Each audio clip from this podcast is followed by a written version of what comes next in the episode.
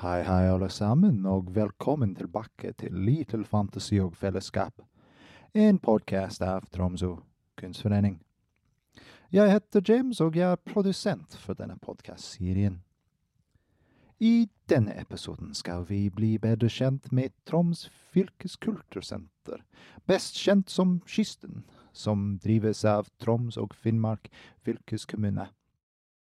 Bygget har opprinnelig vært tuberkuloshospital, men på slutten av 80-tallet gikk en gjeng kunstnere sammen om å få det omgjort til et arbeidssted for kunstnere. Kisten huser 40 arbeidsrom for kunstnere innen billedkunst, lyd og musikk, litteratur, film og andre former for kunstfaglig skapende virksomhet. I dag er Kisten det største arbeidsfellesskapet som finnes for kunstnere i Tromsø, og det huser også en residensordning og felles verksteder for keramikk, grafikk, farging og analog film og foto med mørkerom. Vi skal måtte kunstner Hilde Hoen Johnsen, som var en del av gjengen som overtok bygningen for mer enn 30 år siden. Merite Isabel Solberg, som har hatt tilholdssted på kysten gjennom større deler av sin karriere. Og Amalia Horten, som er ny på huset. Og en av fire kunstnere som sammen deler på et etableringsatelier som utlyses hvert år til nyutdannede kunstnere. Musikken du hører i episoden, er av Merite Isabel Solberg. Hun bidrar flere sanger til episoden her alene, eller en del av gruppen Maras.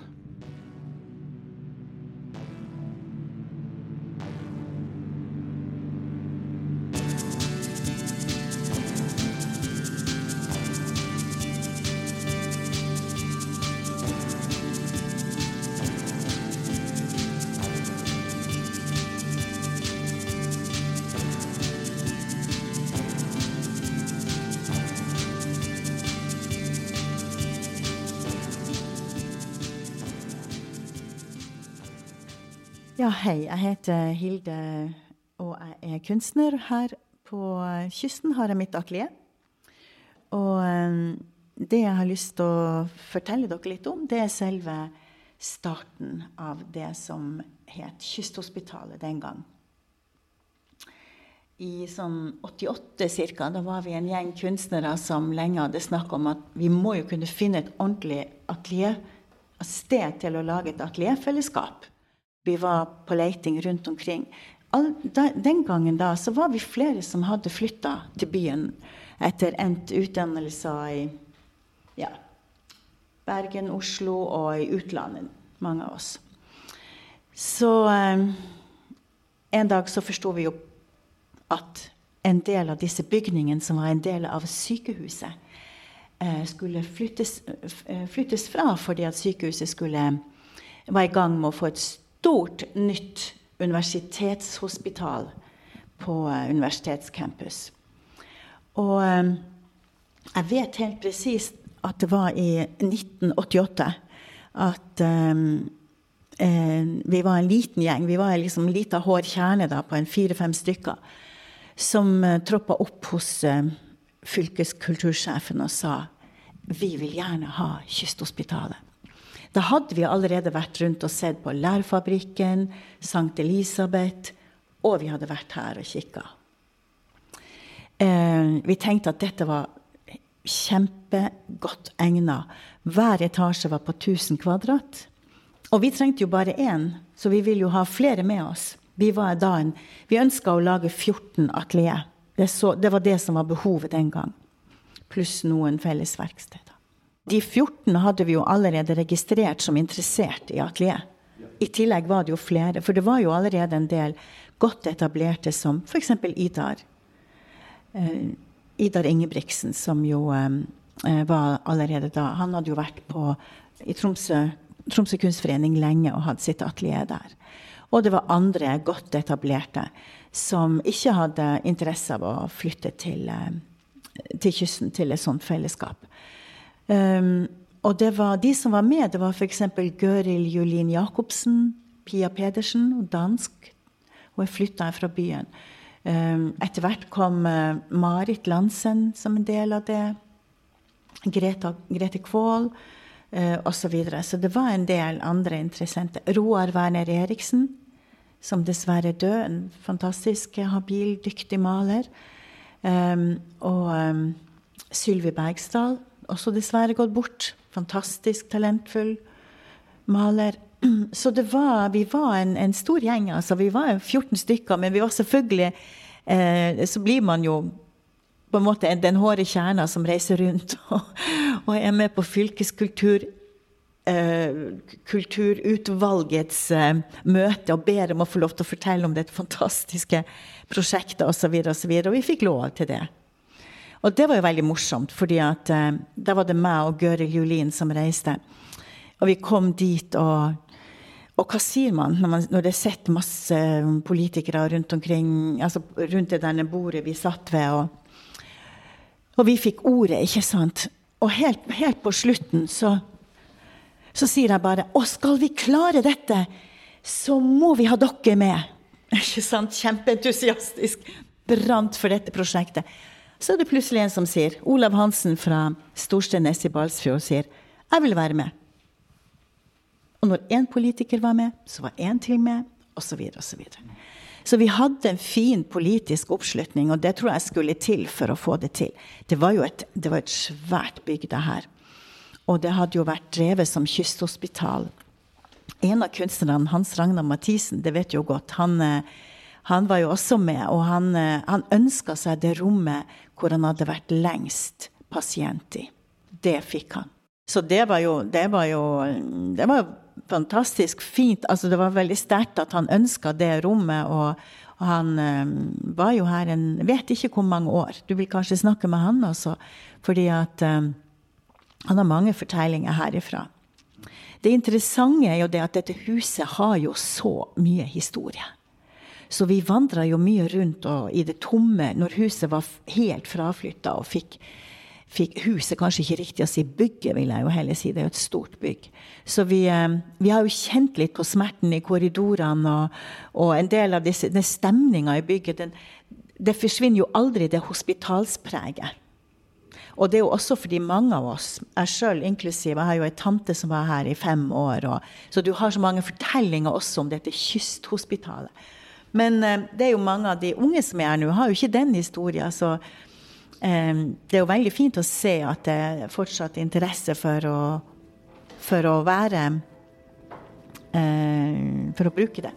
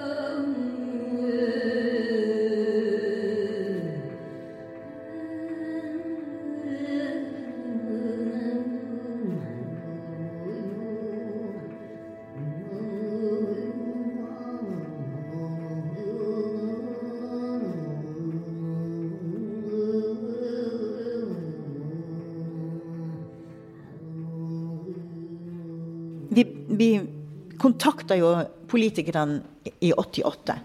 Og i 1990, i april, så ble det bestemt at um, vi fikk det. Det var jo mange som var ute etter det. Veldig mange.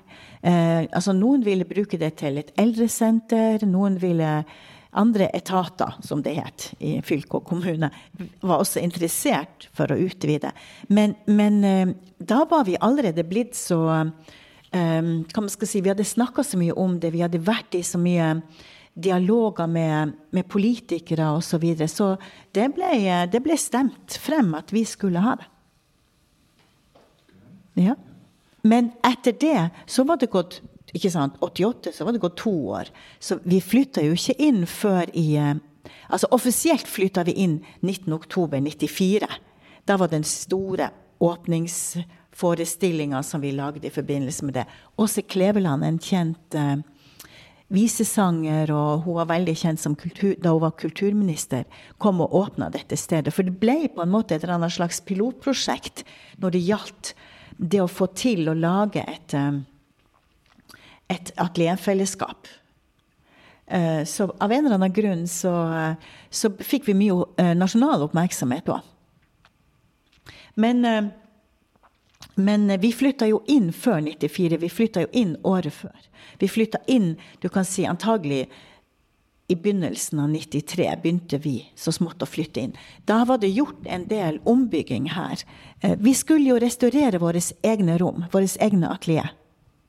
Men det skulle jo inn noe ventilasjon. Det skulle eh, En del av de hospitalsutstyret som ennå sto her, skulle jo ut. For etter at det hadde vært kysthospital, hadde det vært ja, hud, uh, hudavdelinga til syke og litt forskjellige andre ting. Lunge og hud og litt forskjellig. Så det var jo mye som sto etter selve altså sykehuset sine apparater, og det var senger, og det var møbler, og det var ditt og datt. Det skulle ut på loftet, så fant, før, før, alt dette var flytta ut, så fant vi en masse utstyr til skole. skole fordi da, da, det var tuberkulosehospital her, altså kysthospital, så var det jo en skole her òg. Vi fant fantastisk fine, gamle plansjer som man hadde på skolen den gang. Både kart og dyr og fugleliv osv. Men de var forsvunnet. Så folk var her og forsynte seg med ting. Det vet vi. Også møbler vi egentlig hadde lyst til å bruke på vårt atelier, bord og sånn, forsvant. Det gjør det jo gjerne når det er Ja, vi vet jo det. Men vi hadde Vi, vi, had, vi eh, kom inn i hvert vårt atelier. Vi hadde tegna et kart over det hele og bestemt og var veldig sånn hva skal si, demokratiske i måten å bestemme eh, liksom analyserte hva er det de forskjellige trenger. Hvor stort rom? Trenger man ventilasjon? Trenger man ikke ventilasjon? Hvem har lyst til å være veldig nært hverandre fordi de jobber sammen? Osv. Så, videre, og så, videre. så puslespillet gikk opp uten noe som helst problem. Altså, I løpet av den ombygginga som jo måtte, uh, måtte, gjøres før vi kom inn, og, uh, og, uh, og alt av det utstyret som ble flytta ut samtidig, så, eh, og vi sjøl skulle male og, og f.eks. montere vasker hvis vi ville ha det, og gjøre en del sånne inn, Altså planlegge hvordan vi ville ha atelieret vårt, et, vårt eget atelier, så var det selvfølgelig en sånn makeover. Altså vi på en måte inntok det. Og vi var bare så utrolig glad. Vi var jo desperate etter å få ordentlige arbeidsforhold, de fleste av oss. Så vi var bare kjempeglade for, at, eh, for, å være inne her. Og vi jobba mye kollektivt sammen. Vi hadde jo også det som nå er kulturskolen, hadde vi jo som eh, eh, kantine. Og vi hadde jo rom der nede også som vi kunne bruke til å stille ut. Og vi hadde åpne dager hvor vi inviterte folk til å komme innom og se. Og vi hadde masse sånn felles eh, sammenkomster med middager i lag i den kantina hvor vi kunne lage mat. og og eh, i det hele tatt, det var mye, mye sånn fellesskap. Det starta med mye fellesskap, for vi var jo utrolig glad og faktisk veldig takknemlige for at vi hadde fått dette stedet. Jeg spurte Hilde om hva slags politisk støtte de fikk, og hvordan prosessen var med å bygge om et gammelt sykehus til et atelierfellesskap. Vi kan godt snakke litt mer om politikerne, som du sier. fordi eh, det er klart at eh, vi opplevde stor støtte fra um, Arbeiderpartiet, fra SV, fra, fra, Rødt, fra disse partiene her på venstresida. Også sånn Venstre og andre også en del av Hvis du tenker sånn partipolitisk høyrefolk som var kanskje litt mer sånn kulturkonservative, som også skjønte at byen trengte at uh, trengte å gi et, en mulighet for unge kunstnere å slå, å slå, seg ned. For problemet var jo det at hvis vi skulle ut og leie, så var det ikke mye ledig. Det var nesten ingenting. Vi fant kanskje et kjellerrom her og et loftsrom der, men ikke et atelier som var godt å jobbe i, som hadde en viss størrelse vi, og en viss takhøyde. ikke sant? Så vår argumentasjon det, det gikk i flere retninger. Blant annet, for det første så var det jo det at hvis vi ikke får eh, dette stedet her, så kommer mange til å flytte herifra, rett og slett. Eller slutte som kunstnere fordi at for arbeidsforholdene i utgangspunktet er jo vanskelig. Du bor langt nordpå. Hvis du skal eksempel, tenk hvor mange skulptører har vi i Tromsø. Det er dyrt å få materialer hit. Det er vanskelig å finne gode arbeidsforhold. Det er, hvis du skal sende en skulptur til Oslo eksempel, eller til utlandet et sted altså, Allerede var det jo en ganske, ganske store utfordringer i forhold til materialer, i forhold til ordentlige arbeidsforhold. Og disse argumentene det forsto politikerne. Og det var en sånn entusiasme. Vi ble møtt med en entusiasme. Bortsett fra, um, fra Fremskrittspartiet. Fordi de brukte sin pensjonistgruppe i fronten for å gå imot oss. Altså, de lagde demonstrasjonstog hvor de sa eh, ja til eldre, nei til kultur. Sto det på plansjene deres som de bar. Og vi, vi, altså Jeg husker bare vi ble litt sånn i harnisk. og vi, det Vårt motargument var jo det at ja, men altså, de eldre er kulturbærerne. Det er hos dere vi har lært det, det, er jo derfor vi altså Vi har jo mye vi vil uttrykke som kunstnere nettopp fordi at fortellinga kommer fra dere. Og vi er i en landsdel som ikke har hatt så veldig mange kunstnere. Lokale kunstnere. Det har vært mange tilreisende, men hvor mange har bare blitt der og blitt der. Idar har blitt der, flere har blitt der. Og disse demonstrasjonstogene dem prøvde de seg på, for de ville jo, Fremskrittspartiet ville ha dette til et eldresenter. Og alle som hadde jobba Bygnings, bygningsteknisk med bygget. For det var jo også gjort. ikke sant? Det var jo gjort en del sånn rapporter på forskjellige ting. Sa jo det at skal, det blir billigere å bygge et nytt eldresenter enn å bygge dette om. Og parken er så stor at hvis man ville ha et eldresenter her, så ville det jo være plass til det også. Så eh, de, eh, de det falt på sin egen urimelighet, det de holdt på med av demonstrasjoner. Også i forhold til det å være kunstner i denne byen her ikke sant? Det var nesten ingen galleri å stille ut i. Det var osv. osv. Så videre. sånn at det er jo en utfordring. Er du i en storby, eller er du i et sentralt område i hvert fall, i omkring en, større, en storby, Oslo, Bergen, Trondheim, så har du så mange fasiliteter allerede ikke sant? til å klare det som kunstner. Det er en større utfordring her. Det er det. Ja, absolutt. Mm. Eh, jeg har jo nevnt Olav Hansen, som var vår store støttespiller. Men det var jo andre også, f.eks. Irene Hvalstad, som var kultursjef både i kommunen og i fylket i den perioden vi holdt på å jobbe med dette. Veldig viktig støttespiller. Hun var fra Arbeiderpartiet. Og så er det Kari Nesvold fra Høyre, eh, som jo også gjorde en stort eh, Stor, var en viktig person for oss for å få dette til. Skal vi se I alle fall det som vi opplevde med der eh, de første årene. For at, så gikk det jo noen det, Jeg var jo vi var veldig aktive egentlig i det her med å gjøre ting sammen. liksom, Å finne steder å stille ut. Og, og, det var jo også veldig viktig for oss. Og så var det jo andre ting vi diskuterte parallelt. Det var jo akademiet. Vi ønska jo et akademi. Sånn at ved siden av det at vi ønska å lage gode arbeidsforhold for kunstnere som ville slå seg ned her, med gjesteatelier fikk vi òg, ikke sant, samtidig osv., så, videre, så var det jo veldig viktig å tenke at vi har jo en hel landsdel her som bør og skal ha sitt eget akademi. Og vi visste jo at, eh, at um, altså Forskolen, eller Kabelvåg, var jo veldig viktig i forhold til det å søke seg videre til akademi i, i Bergen, Oslo og i um, utlandet. Sånn at vi tenkte Vi, vi ønska virkelig dypt og inderlig et akademi her. Og vi hadde allerede jobba med det. Vi var på en måte Det er jo alltid en sånn subkultur som jobber med, med det behovet. Eh, det som var spennende også, det var jo den dialogen med de som var eldre enn oss. Det var jo sånn som eh, eh Idar Ingebrigtsen har jeg jo nevnt flere ganger.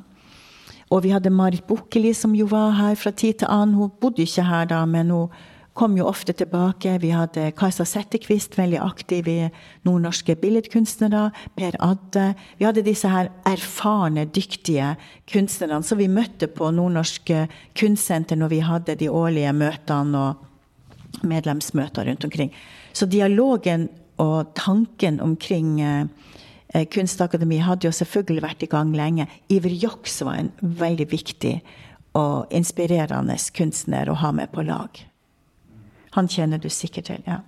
Så um, den der dialogen med at vi på, altså Det var ganske spennende. så Jeg tror vi var såpass mange unge kunstnere som slo oss ned eh, innenfor noen, noen, få år. Kom tilbake, liksom. Og, og, som var i veldig fin dialog med det som allerede var her, og bygde videre på de, på de erfaringene og tradisjonene som var her. Så Derfor fikk vi det til, og derfor kom jo også akademiet etter hvert. Det jeg vil si, det som jeg syns er viktig å si hvis jeg nå Nå har jeg snakka fortid, og hvis jeg nå snakker nåtid, så er det jo det å se at det er jo eh, det er veldig flott. Jeg har jo jobba noen år som professor i Bergen og pendla mellom Tromsø og Bergen. Og delvis hadde atelier her som jeg etter hvert eh, fremleide. Men um, det jeg ser uh, som skjer i Tromsø nå, er jo kjempeflott. altså. Nå har vi, uh, vi Maddi, den samiske kunsthallen. Og vi har uh, Kunstens hus som er på trappene. Vi har et akademi som fungerer veldig fint. Vi har mange unge som slår seg ned her, som blir her i byen etter endt utdannelse.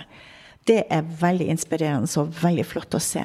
Og eh, jeg har jo drevet og pendla, men så kom jeg fast tilbake og flytta liksom hjem igjen da, for to år siden. To og et halvt år siden.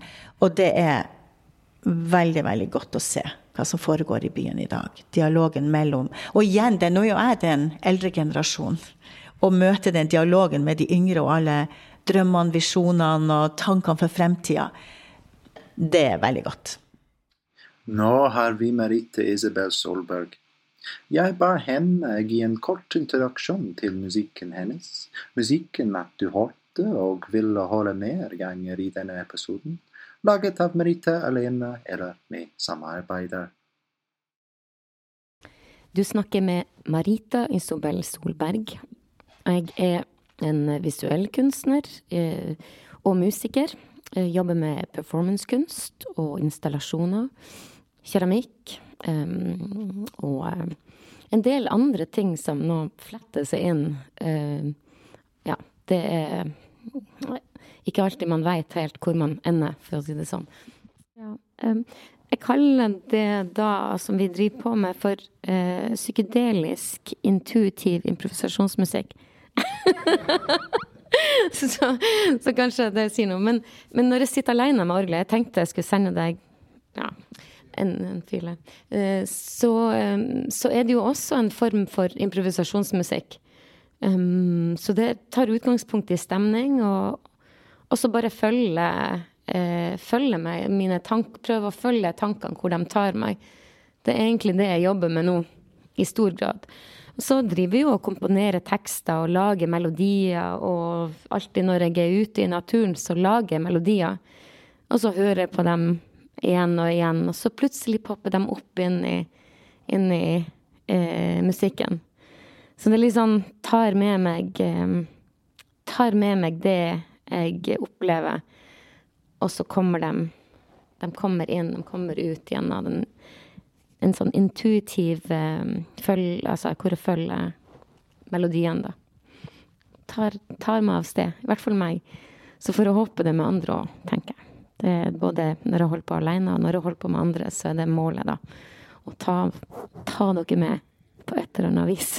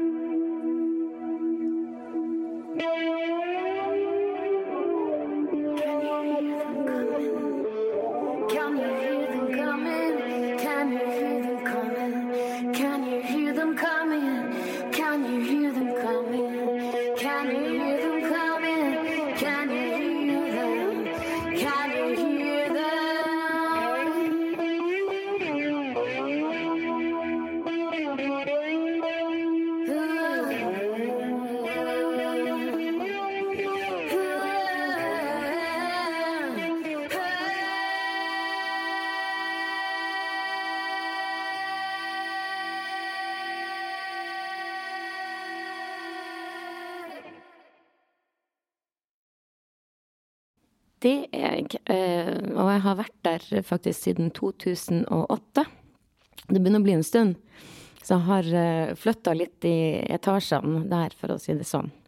Når jeg kom inn der i 2000 og ja, kanskje er det slutten av 2007 jeg begynte å henge litt der, for da kom jeg tilbake, hadde vært noen måneder i Japan. Og så kom jeg og tenkte at jeg har lyst til å liksom få meg studio på Troms fylkes kultursenter. Og jeg hadde vært og, og roma litt der i forkant allerede, så jeg visste på en måte hva det som var der. Men det var jo dårlig med omrullering og rom der på den tida. Men så var det en som het Liv Bangsund, og en som het Silvia Martinez, som, som, holdt på opp på loftet og skulle rydde plass. Så jeg ble med på det. Det var liksom sånn, et lager opp på loftet, helt øverst. Eh, med masse små rom og gammel tapet på veggene og gulvbelegg og alt. Og vi bare reiv opp hele greia og pussa det opp der oppe. Og pussa gulvene, og der under all, mange lag med, med sånn eh, vinylgulv og sånn, så lå det tre gulv. Så vi tok det opp og pussa det, og, og malte en del. Eh, og, så det tok sin tid. Men da fikk vi i alle fall noen rom på toppen bitte små rom som vi flytta inn i, og inviterte med da andre kunstnere. Så det var litt sånn, hva man kan si, man bare flytta inn, egentlig. Vi hadde ikke fått lov, egentlig, av Troms fylkes kultursenter. Det var en som um, ga oss lov til å komme inn der og begynne å ordne det, som jobba der. Jeg spurte Merite til å snakke om et par av kunstnerne i kisten og fortelle litt om deres praksis. Det er jo vanskelig for meg å, å, snakke om andre på den måten, vil jeg si. Um, men um, jeg veit jo f.eks. Aslaug, da. Magdalena. Hun jeg kjenner jo veldig godt. Um, så hun jobber jo, hvordan man kan si um, Hun er på kysten hver dag og, um, og jobber veldig hva man skal si, tids... Altså tid og gjentagelser. Um, bearbeiding av uh, naturmaterialer som hun har funnet, eller, eller fått, eller, eller fått til funnet på, in, ute i naturen. Hun bearbeider det og, og, og, jobber med det intuitivt, connecta til sin egen kropp og sine egne erfaringer, både kulturelt og i en større sammenheng. Uh, og hun bearbeider ting over lang tid, da. Sånn at alt det hun har liksom gjort, der ligger det mye historie i hver repetisjon. Altså det, det er mm, Ja, hva man skal si? En slags form for meditasjon og Ja. Det vil jeg, det vil jeg kanskje si. På mange vis. Um, så har vi um, Marit, kan vi jo snakke litt om. Lansen. Keramiker. Um, hun har en utrolig sånn hånd... Jeg vet ikke, det er bare sånn tek med, med leira, da. Så hun har veldig naturlig overføre sine, sine intensjoner til leira. Du kan se at det er omtanke i, i det hun har laga. Uansett hva det er. Eh, så og hun er jo òg opptatt av de, de store tingene. Og, og, det er jo livet ikke sant, som går igjen. Altså hvordan man lever livet, og hva er det som er viktig for en. At man prøver å uttrykke det gjennom, gjennom materialet da, på en måte. Og det syns jeg virkelig hun får til, da. Jeg ba at Merite gi oss en dypere innsikt i hennes praksis, og snakke litt mer om hva hun har opptatt med akkurat nå. OK, jeg skal prøve på det, da. Det er jo flere ting, så det kan jeg liksom bare starte hvor jeg er i dag, da, kanskje. Um, og jeg har jo en uh, performance som starter i morgen på Madi. Det nye kunstnerfellesskapet. Kunstklakke, som, uh, som på en måte er i, i Evjen, og starter den slags pre-versjon i morgen. Og der jobber jeg med Jeg tar utgangspunkt i et materiale ull. Men filosofere over ja, over det historisk og kulturelt, men også det her med det, det filosofiske og tankearbeid og drømmer, og hvordan da man kan forstå hvor, Forskjellige måter man kan forstå materialet på, da. Og, og hvordan um, hvordan bilder det kan gi, og historier det kan gi, alt ettersom hvilken erfaring du har. Eh, og alle har et forhold til ull på et eller annet vis. Så det er veldig spennende å jobbe med, med både materialer og, og historie som, ja, som man kan um, Som alle kan relatere seg til, og som man kan også bearbeide og jobbe og se på nye måter. Ta ting frem. Um, vri det og vende på det og, og bruke det i forskjellige sammenhenger som man egentlig kjenner igjen, men så er det så um, satt i så andre sammenhenger at du ikke, du ikke helt kanskje um, føler at det er helt familiært, men så er det det allikevel. Det er en sånn sirkel da, som jeg prøver å, å, å, å gjøre. Um, jeg jobber også med ull i forhold til, uh, hvis man sier uh, det med helbredelse, altså kropp. Vi har jo fra, fra hvert fall min barndom så har vi jo brukt ull som en um, Hvis du er syk, hvis du f.eks. har vondt i øret ditt, så putter du alltid ull i øret. Eller hvis du har influensa, så, så det, smører du på fett på føttene og pakker dem inn i ull, ikke sant. Eh, du tar på deg ull. Um, altså det er veldig viktig i, i, en slags helbredelsesprosess hvis du er syk, da. Um, har du vorte, så, så knyter du en ulltråd rundt, ikke sant. Um, vi har um, uh, ja, det er så mange historier der, ikke sant, med, med, hvordan man har gjort Vi har også veving, en spesiell eh, Oppstad-vevtradisjon hjemmefra som også liksom vokste opp med. Så du har det veldig tett på deg, veldig tett på, på kropp. Så prøv å ta det her om, og så lage noe, lage noe eh, nytt ut av det, men samtidig gi folk en opplevelse, um, og la de reise i sine egne tanker. Det håper jeg. Mm. Ja. Um, og jeg har jo jobba en del med forskjellige materialer opp gjennom tida. Så jeg tar for meg litt forskjellige materialer, eller redskap, eller eh, Blant annet deg har jeg jo hatt en god runde med. Um, um, jeg har um, jobba med leire og jord. Uh, og keramikk har jeg vært opptatt av mye uh, opp i av tidene. Um, har akkurat nå også et prosjekt som har mm, holdt på med de siste eh, fire årene, som er et slags apotek jeg har begynt å bygge opp. Et slags magisk apotek da, som, som består av mange deler av mitt kunstnerskap, men også det her med, med det man tenker på om apotek, at her skal du få medisin. Eh, så lage forskjellige blandinger og miksturer, planter og, og vekster og forskjellige sånt. Um, både kremmer og teer og, og, sånne ting som man, som man uh, kan um, hjelpe på med ting. Men så prøve å blande inn Sorry. Prøve å blande inn um, alle de her erfaringene jeg har da, med hvordan jeg kan prøve å hjelpe folk. Jeg er jo ikke lege eller massør eller jobber ikke på apotek til vanlig, men her er det liksom å bruke kunnskapen sin for å gi noen noe. Så der, det jobber jeg mye med. Det er veldig, veldig fint prosjekt. Både dans og, og performancekunst er med i, i det magiske apoteket. Mm.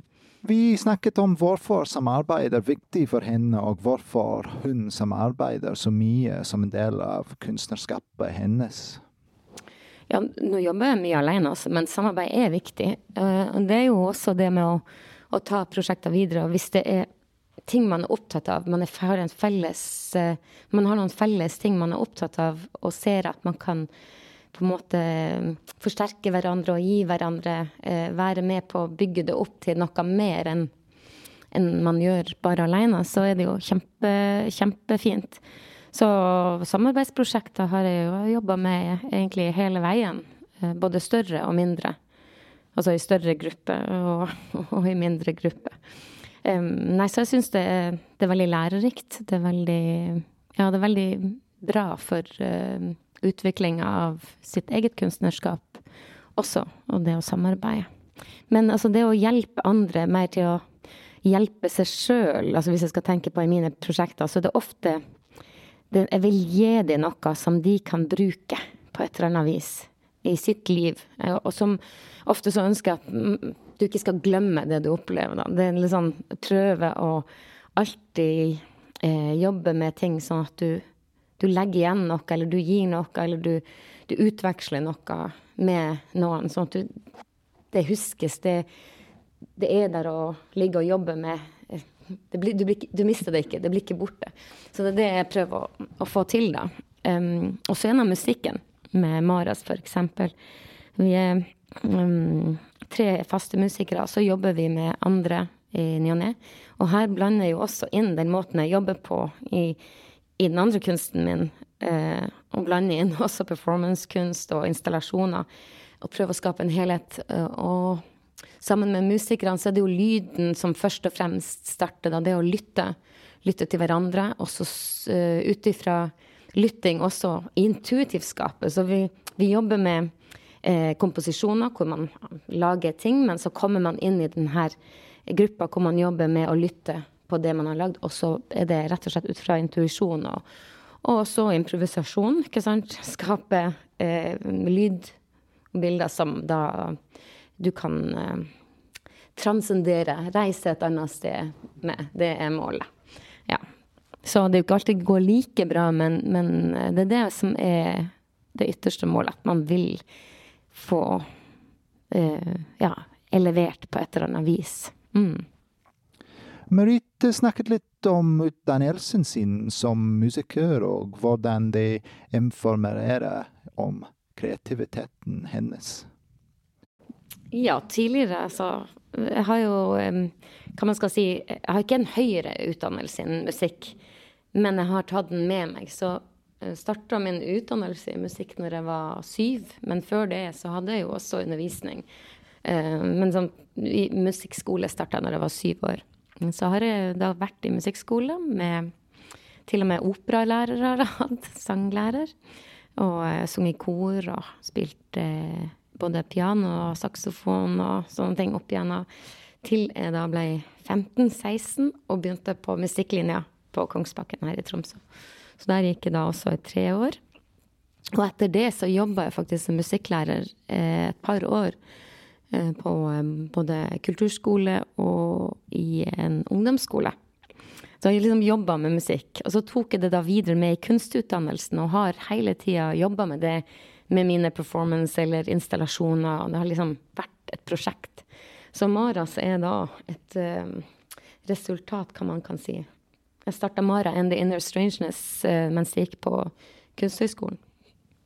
Og så har det da vært når jeg kom her til byen, så starta jeg da et fullt band og fikk med meg en del folk. Så der har det vært noen variasjoner i, i musikere. Men vi har da jobba til 2013-2014 som Mara and the Inner Strangeness, da, med en del um, Ja, da prøvde jeg jo faktisk å jobbe uh, med improvisasjon òg, men det gikk liksom ikke. Så det ble en sånn Det blei komponert, på en måte. Og ja Eh, ganske konkrete låter som Og det var veldig fint å, å jobbe så lenge. Så har jeg liksom hatt en sånn dragning. Jeg vil mer og mer mot det det som er jeg sier, jordnært. Altså jeg vil, jeg vil, ha en slags sånn Tilbake til noe Altså sånne naturfølelser, sånne dype, store rom da, som jeg kan være i. At jeg, at jeg ikke må forholde meg hele tida til at nå skifter vi, og vi, skal, vi må mm, ha akkordprogresjoner, vi må det ene og det andre. Men mer det skal på en måte være stemninga og hvor melodien drar en. Det skal på en måte være førende, eh, tenker jeg da. Så jeg prøver jo å, å, jobbe sånn. Og så har jeg jo vært så heldig å på en måte ha Stig, som har spilt med meg i alle år der. Han er også med videre. Og så jobber med en som heter Risto Poronen, som eh, også spiller i et annet band som heter Cleaning Women basert i Finland, Helsinki-området. Um, og vi har liksom funnet eh, en slags sånn her greie, så det skjer noe hver gang vi møtes, da. Um, så de jobber med videre nå på et prosjekt som vi skal ha til annet Festspillene neste år, som heter Jording i Etnamastin. Um, og der er det mye um, intuisjon og improvisasjonsmusikk også som på en måte tar eh, Starter i en komposisjon, men så utvider det seg. Så vi hatt nå en prøvekonsert i Harstad for noen uker siden. Så skal vi snart ha en liten greie igjen. Ikke i Tromsø, men et annet sted. Og så blir det en større greie på Festspillene neste sommer. Mm. Ja, jeg vil enda si noe. Vi har jo også med Mara sa vi utgivelse av nytt album. Hvert øyeblikk nå har vi tre videoer, tre låter som har fått video som er sluppet. Så jeg har liksom lyst til å ha en video til hver av dem. Så vi venter på den fjerde. Og så kommer plata, hele plata ute, da. Da skal alle ligge ute på, på eh, The World Wide Net Network.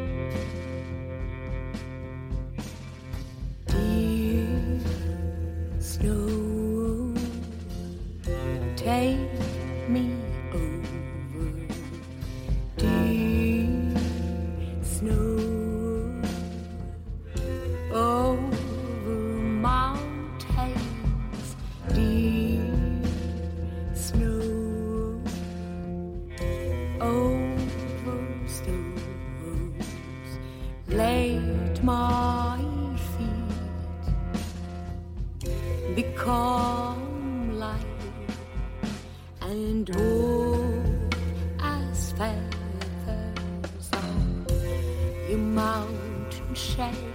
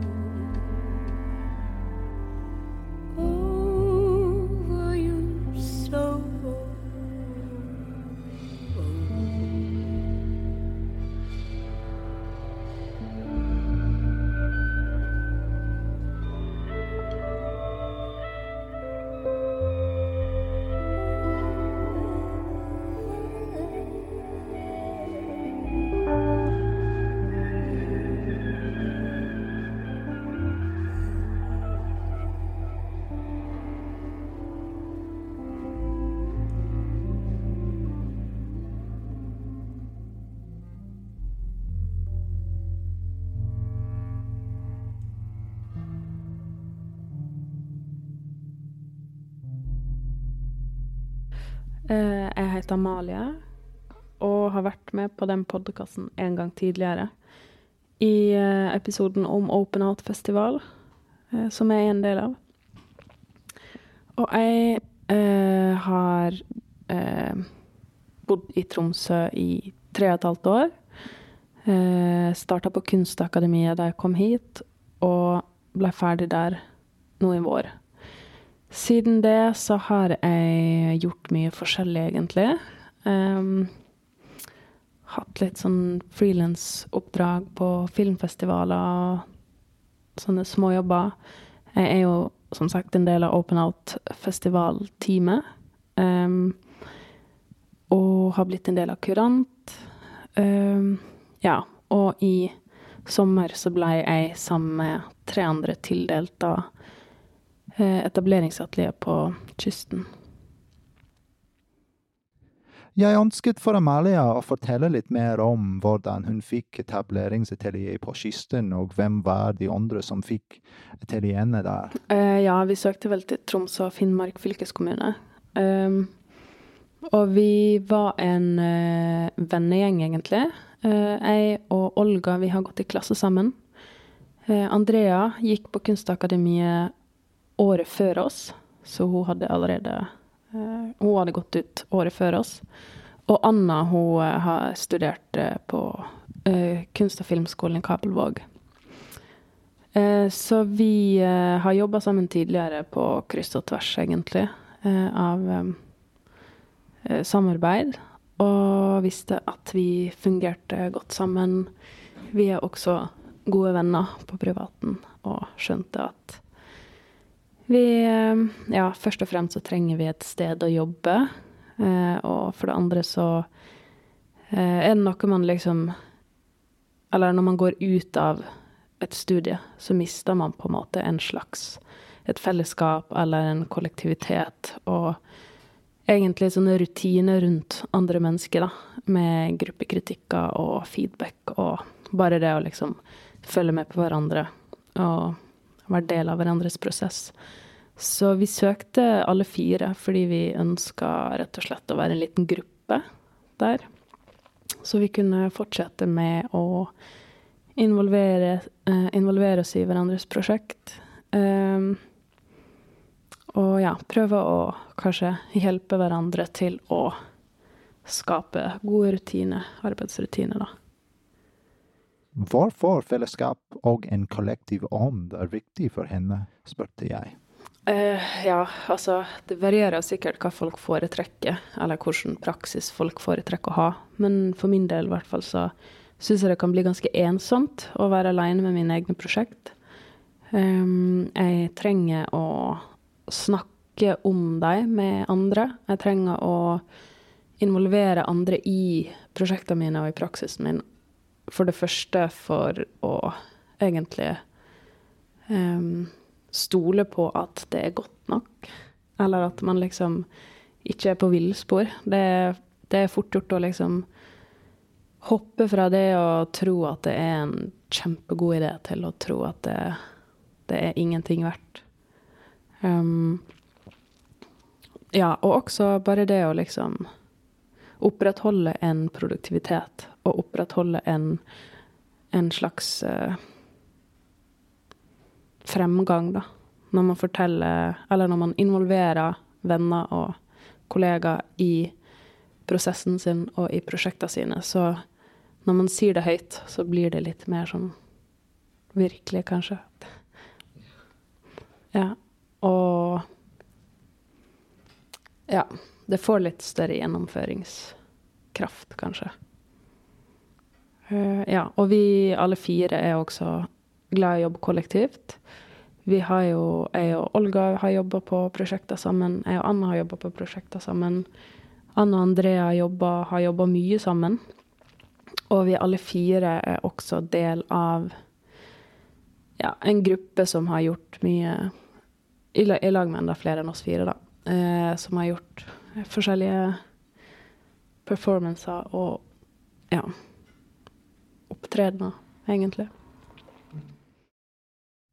Hva er de største utfordringene til en nylig utdannet unge kunstner? spurte jeg. Eh, altså det åpenbare svaret som gjelder her i byen og egentlig alle andre byer for en nyetablert kunstner, vil jeg tro er økonomi. Um, ja, det tar, det tar, jo tid å liksom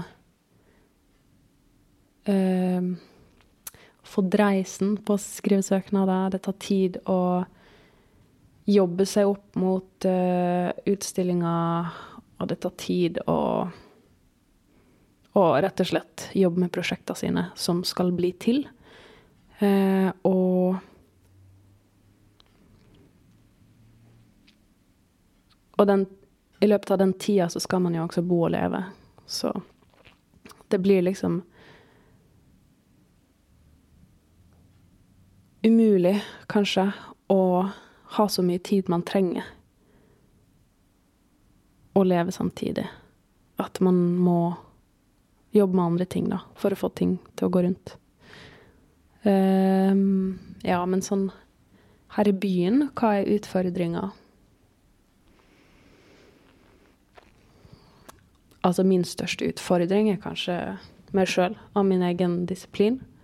Jeg syns eh, at Tromsø er en veldig Nå har ikke jeg vært nyetablert kunstner i en annen by, men eh, min opplevelse av å være nyetablert i Tromsø er egentlig veldig god. Tromsø er en inkluderende by, syns jeg. Um, det skjer ting, og folk støtter opp om hverandre. Og her er en levende kunstscene, selv om at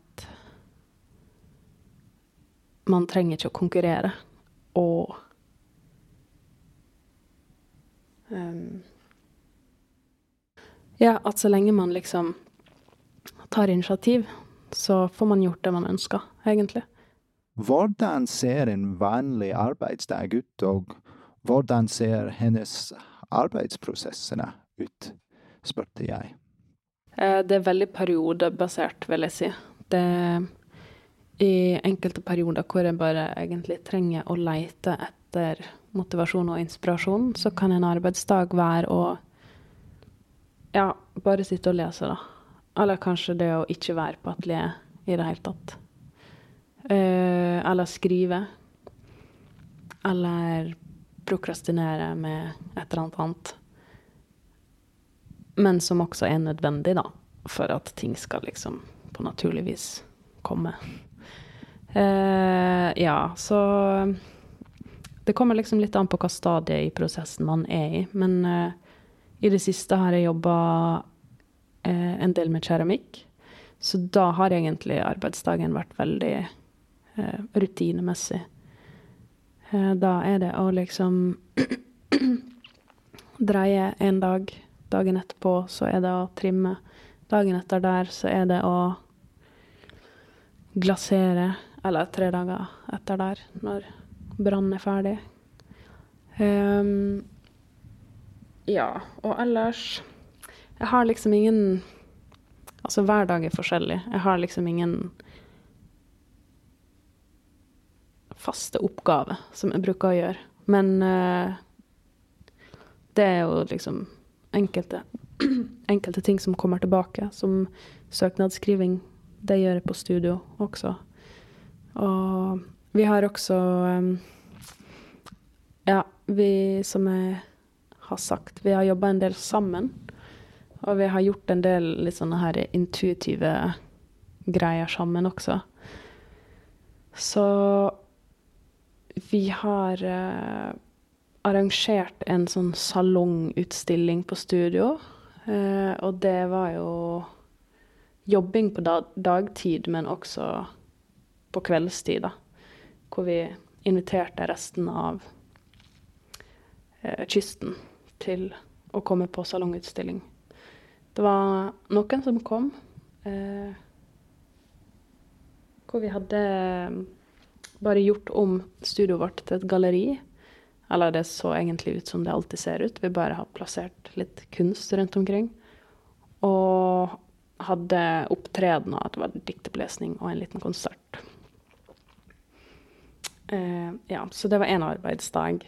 Men eh, det varierer veldig. Jeg spurte to spørsmål til.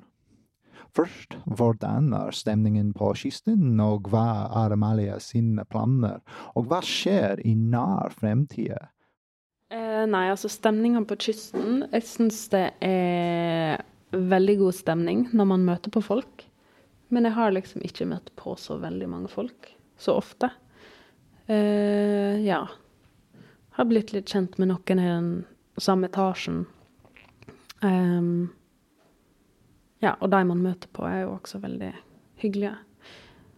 Har lagt merke til at om vi lar døra stå åpen en dag, vi er der og jobber, så er det veldig mange som kommer innom og sier hei. Så det er jo hyggelig.